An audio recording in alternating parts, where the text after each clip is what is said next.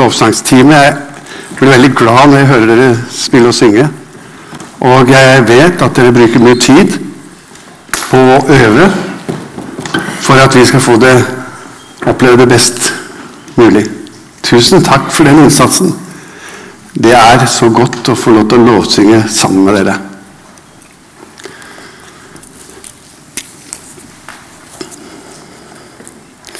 Vi har flere lørdager hentet tekster fra apostlenes gjerninger.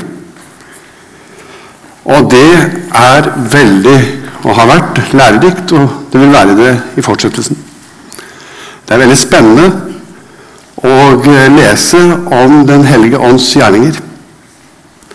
Det utspiller seg mange dramatiske hendelser i boka som vitner om hvordan Guds rike bryter fram. Om konfrontasjoner mellom lyset og mørket. Og etter pinsedagen så er det slik at evangeliet skal forkynnes for alle folkeslag. Det er ikke sånn at Guds rike bare er liksom nå beregnet for noen få jøder. Mens alle andre folkeslag, hedningene, de skulle liksom være utelatt. Boka forkynner og forteller oss at alle skal være med. Det er plass til alle. Nå forstår jeg, sier Peter i denne retningen som vi skal ta for oss i dag, at Gud gjør ikke forskjell på folk. Gud gjør ikke forskjell på folk.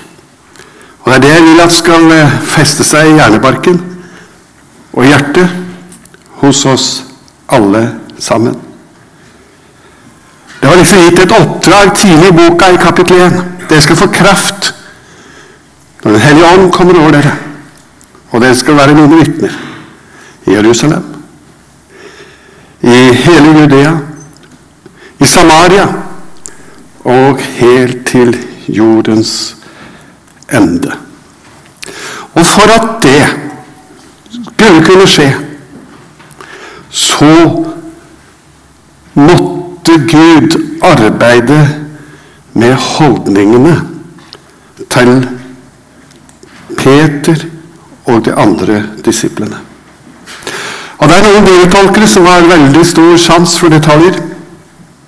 Og legen Lukas, som har skrevet denne boka som vi har foran oss, 'Apostelens gjerninger', han har antageligvis hatt stor sans for detaljer. Bosted er viktig. En lege jeg snakket med for litt siden, sa at dere nordmenn dere flytter unna oss når det står Muhammed eller Jabed på døra. Dere sier til oss, sa han var litt sur, at vi samler oss i gettoer. Men det er dere som flytter ifra oss. Dere vil ikke bo i lag med oss. Det er holdninger. Og jeg tror at denne lille detaljen i teksten i dag, som forteller om bostedet til Peter At dette bostedet utfordret ham. Ikke nok med det at han bodde hos en hedning. Men han bodde hos en garver, sier legen Lukas. Og hva er en garver? Ikke sikkert dere vet det. Det er et yrke som dreier med skinn og døde dyr. Og de som behandlet døde dyr, de var sett på som levittiske, levittisk urene. Og så tenker jeg i tillegg så var det den forferdelige lukta. Tenk så utfordrende. Jeg syns ikke det er så rart når jeg tenker på dette og setter meg inne i Peters situasjon.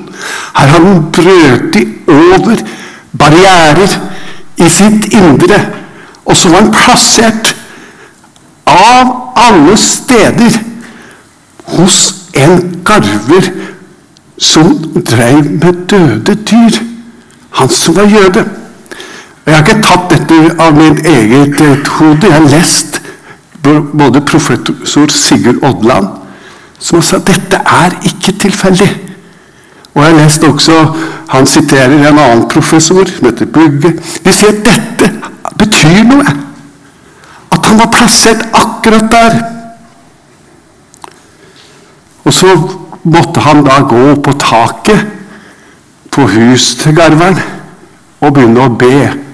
Og jeg ser for meg egentlig så var det slike holdninger som sto imot det oppdraget som Peter hadde fått til at evangeliet skulle forkynnes for alle folkeslag. Det var noen holdninger som måtte bearbeides. Har du lagt merke til? Hvis det er slik hos deg at du har noen dårlige, feil holdning til et medmenneske, til noen mennesker, så er det en smart måte å begynne å be. Be, og da begynner du også å bearbeide for holdningene gjennom band. Og I dag skal vi altså se på denne historien i kapittel 10, og se på noen sider som underviser oss om dette. Og Vi leser da fra vers 1 og de første åtte versene først. Vi skal lese flere ganger nedover kapittelet. I Cesarea bodde en mann ved navn Cornelius, som var offiser i den italienske bataljonen. Han var en from mann. Og både han og hele hans hus hørte til dem som fryktet Gud.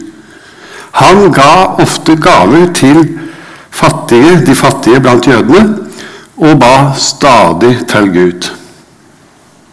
En dag ved den niende time hadde han et syn.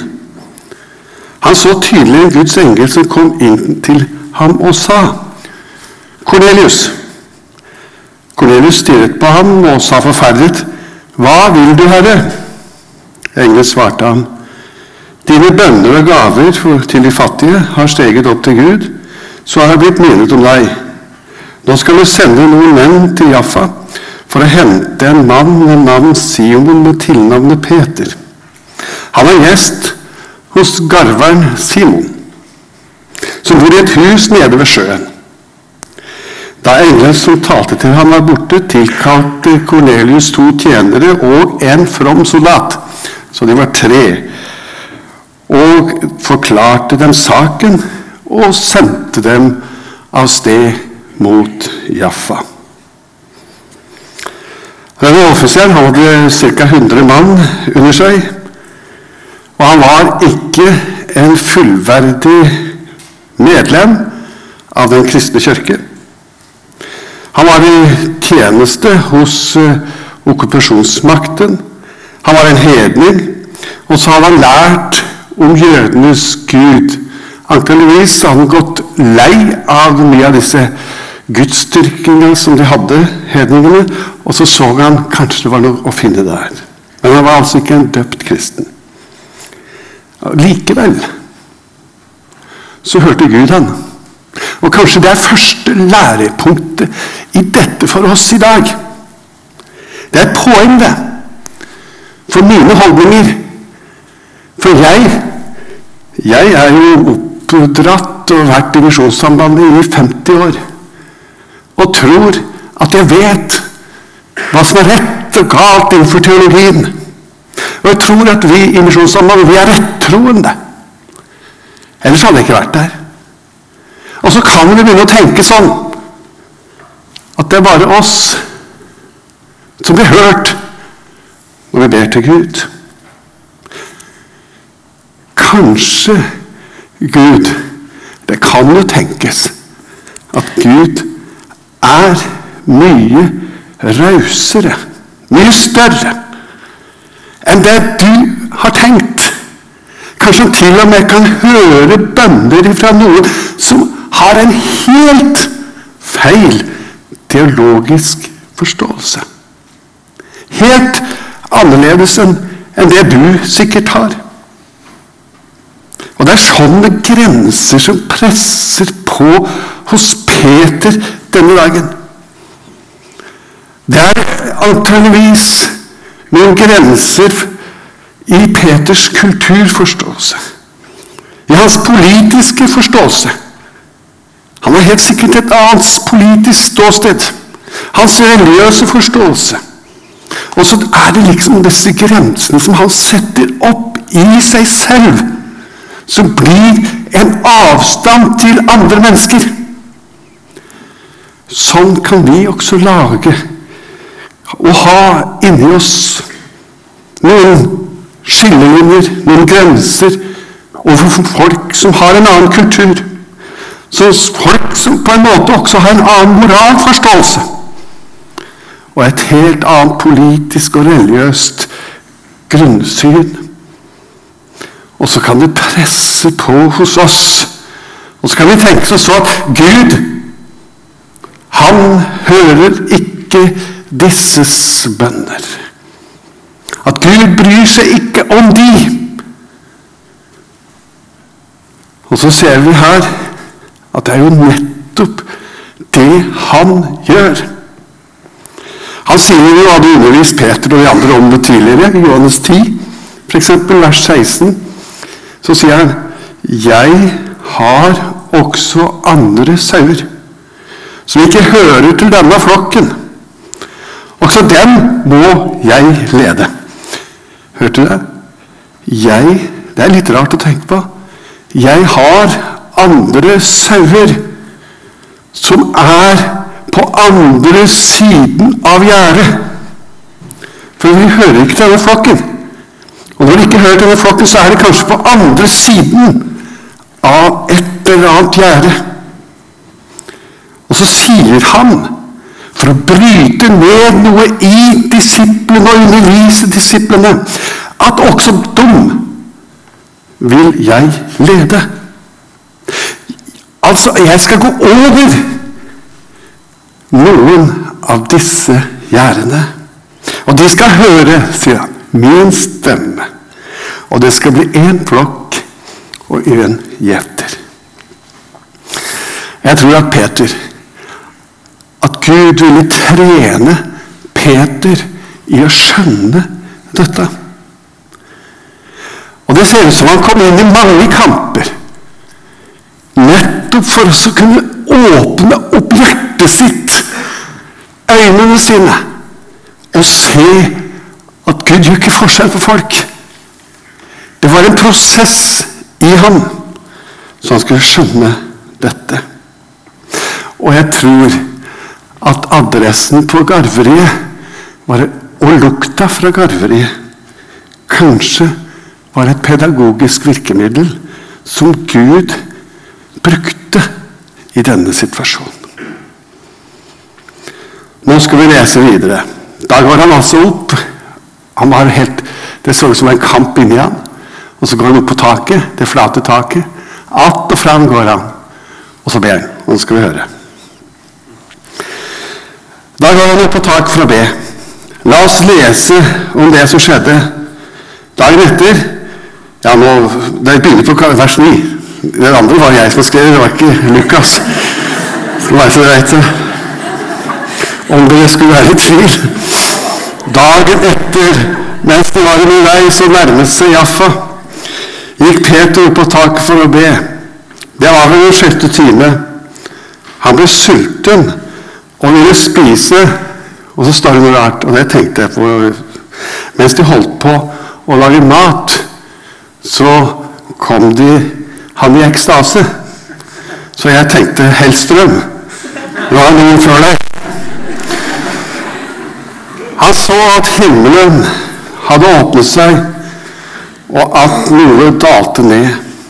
Det så ut som en stor duk som ble firt ned mot jorden etter de fire hjørnene. Og den var alle slags firbente dyr og krypdyr som lever på jorden, og alle slags fugler under himmelen. Og en stemme sa til ham, stå opp, Peter, slakt og spis. Men Peter sa, Det kan jeg ikke, Herre, for jeg har aldri spist noe vanhellig og urent. For andre gang talte stemmen til ham, sa, det som Gud har sagt er rent, må ikke du kalle urent.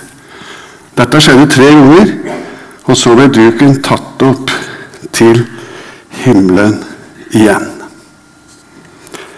Det var altså noen religiøse holdninger inni Peter som måtte ryddes vekk. Det var en slags tanke han hadde om hva som var rent og urent. Og der måtte Gud gjøre noe inn i hans hjerte. Holdninger som han trodde at han hadde fra Gud. Det er noe å tenke igjennom. Dette kan jeg ikke gjøre, sier han. Herre. Jeg tror at her tenkte Peter antageligvis slik at nå står jeg overfor en, en teologisk prøvelse.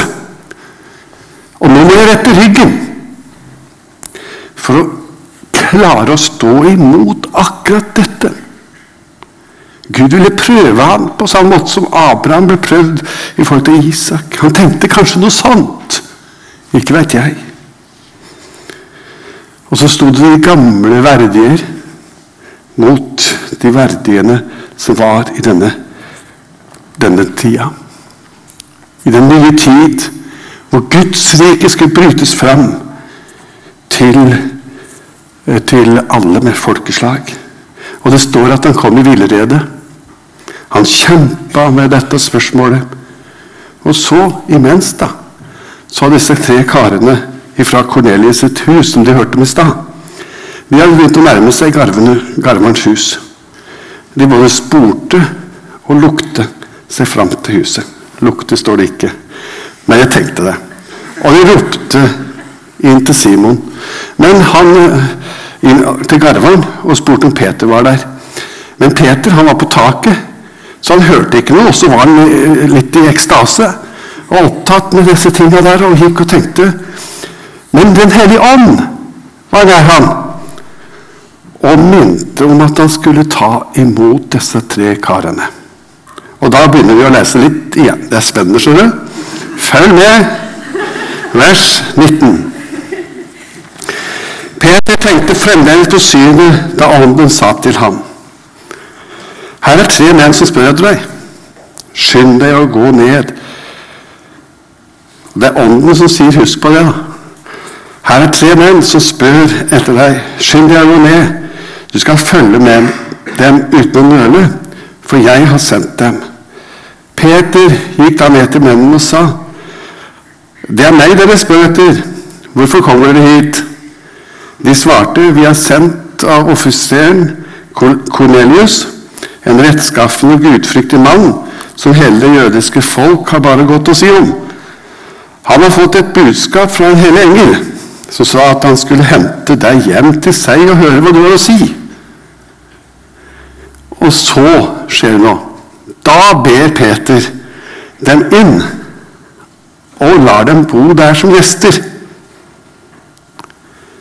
Det er spennende. Altså, han har fått en åpning i hjertet sitt. En liten snev av endring i sine holdninger. Nå er han villig til å be disse kara inn som gjester. Da er det noe som skjer. Hans holdninger begynner å endre seg enda mer. Jeg tror det har litt med Peters gjestfrihet å gjøre. Det er iallfall viktig å tenke på gjestfrihet når det gjelder våre holdninger. Og så begynner etterpå, etter at jeg overnatta der En natt så går de ca. 40 km i sammen og bort til Kornelius sitt hus. Så skjer det enda mer i Peters hjerte. Og da ser du hvor nå han kommer et stadie videre i utviklingen fra vers 28. Han sa til dem, etter at han har kommet til Kornelius Dere vet at det ikke er tillatt. Dere vet godt det, at det ikke er tillatt for en jøde å omgås eller besøke noen fra et annet folk. Men han har akkurat brutt det, for han har invitert ham til gjest. Men Gud har vist meg at vi skal ikke kalle noe menneske vanhellige eller urent.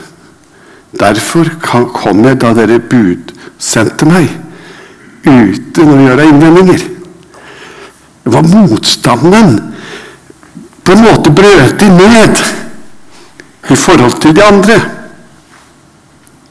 Og så Det var synet om duken som var senket ned fra himmelen. Det hadde gjort noe med Peter. Det hadde gjort noe med hans innvendinger imot andre grupper mennesker. Han hadde simpelthen begynt å skjønne at holdningen hans til de andre menneskene var feil.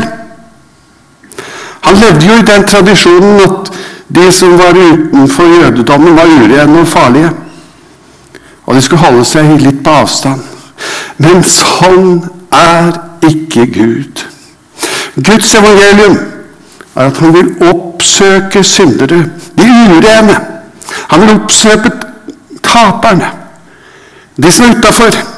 Han sprenger alle grenser for det som nesten kan oppfattes som anstendig når han inviterer syndere, forkomne og urene inn i sitt selskap.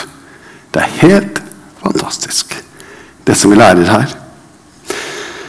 Peter er altså underveis. Han er på vei ut med evangeliet. Og det er ikke slik at du bare har gått på høyskolen på fjellet eller i gamle dager på misjonsskolen i fire og fem år. Så var du klar. Nei, Gud arbeider hele tiden med oss. Og vi får på en måte ny frimodighet. Og vi ser her at Peter hadde fått en ny frimodighet. Som han har fått hjelp av Gud av å få. Han har fått den fra Gud. Han har fått hjelp til å komme lenger ut av komfortsonen. For noen uker før hadde Peter, livende redd, tenkt den utviklinga. Ja, da søkte han på en måte lenger og lenger inn i beskyttelse. Inn i komfortsonen. Inn for å varme seg på gløden i yppersteprestens gård.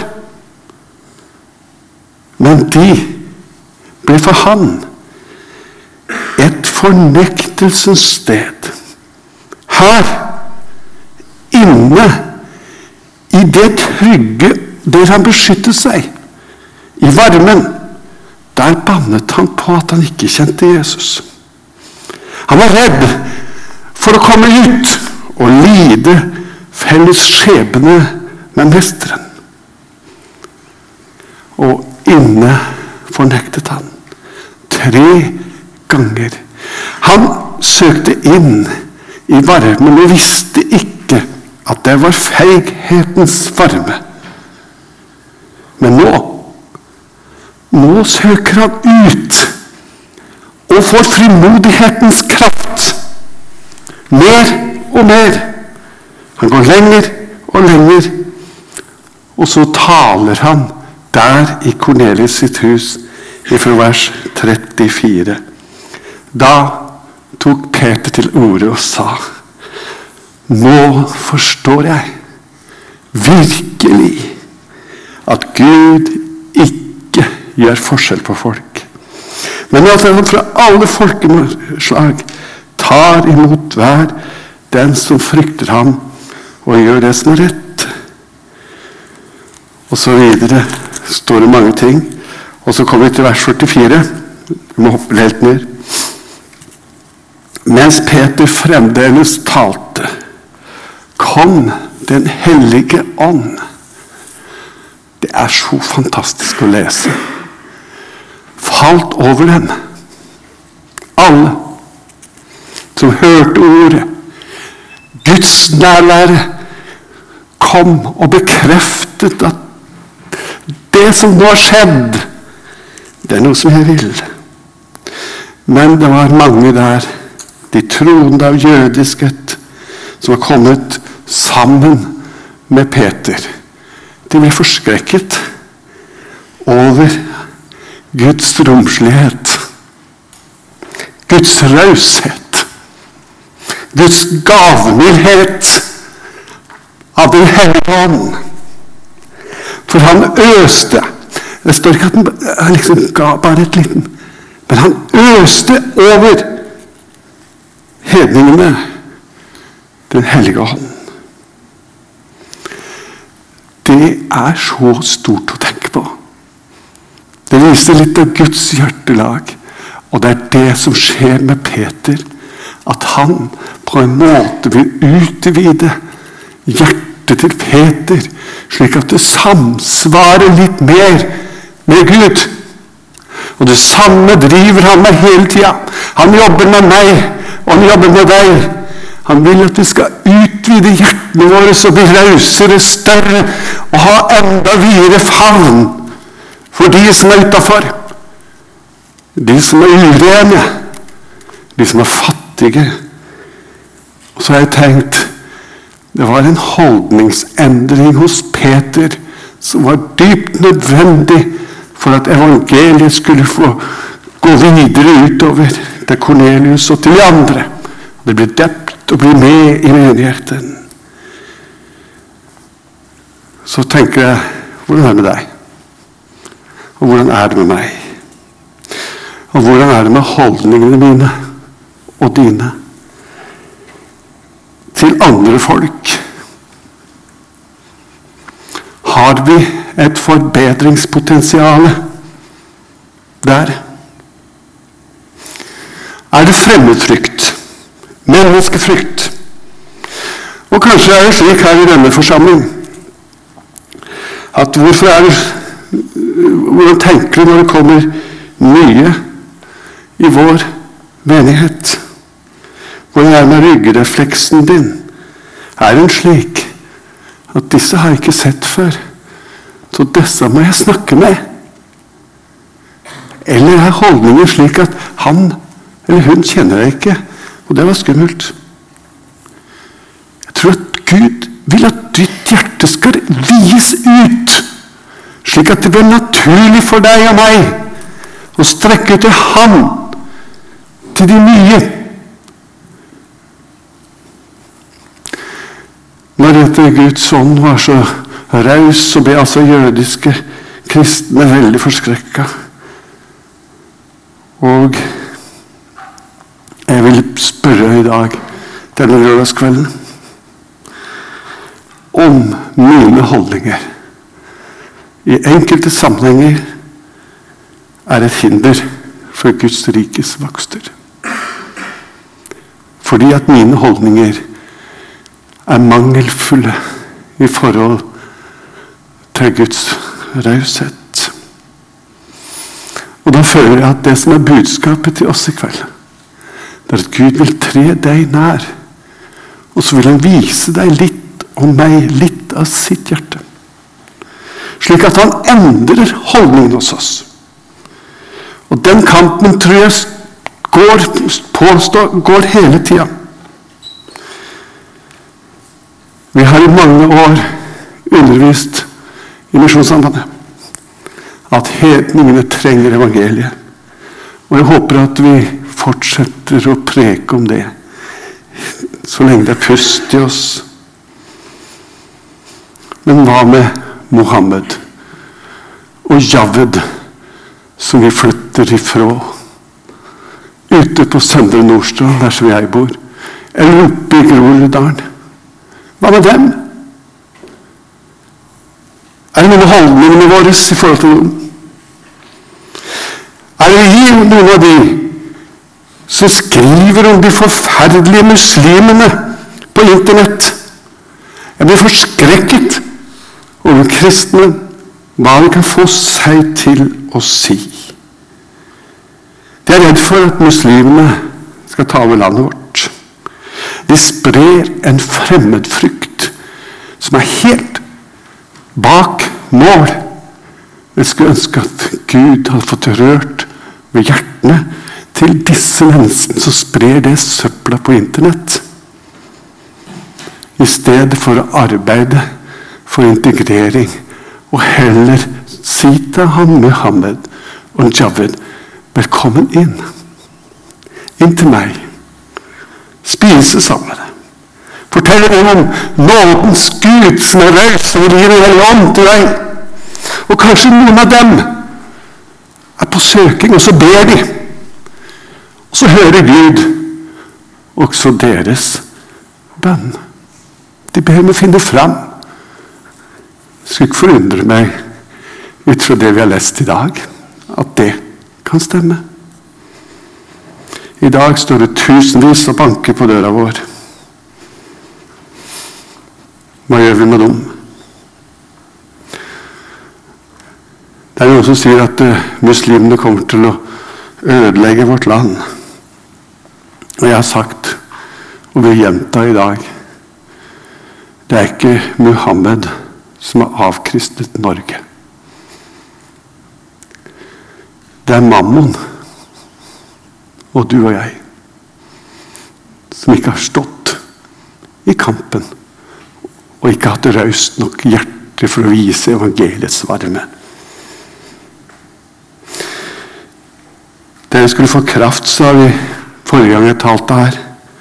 Den hellige ånd kommer over dere. Jeg skal være mine vitner Jerusalem, i Judea, i Samaria og like til jordens ender. Det er dette som gjelder. Det gjelder i dag òg. Men vi har ikke snakket i dag så mye om de geografiske grenser. Men vi har snakket om noen andre grenser som er like vanskelige å krysse.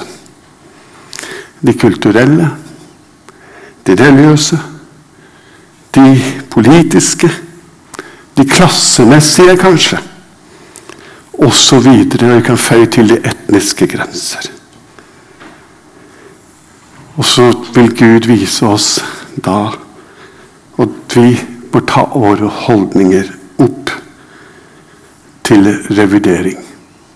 Han vil bryte ned de holdninger vi har til våre medmennesker, som ikke er i overensstemmelse med hans store hjerte. Kanskje vi bør i denne brytningstida i vårt land finne noen tak og løfte våre hender til Gud og så be, slik at Han kan få arbeide og vi bearbeidet våre holdninger. Slik at vi ikke flytter, slik at vi ikke trer unna når Muhammed og Javed kommer. For Gud, han gjør virkelig ikke forskjell på folk.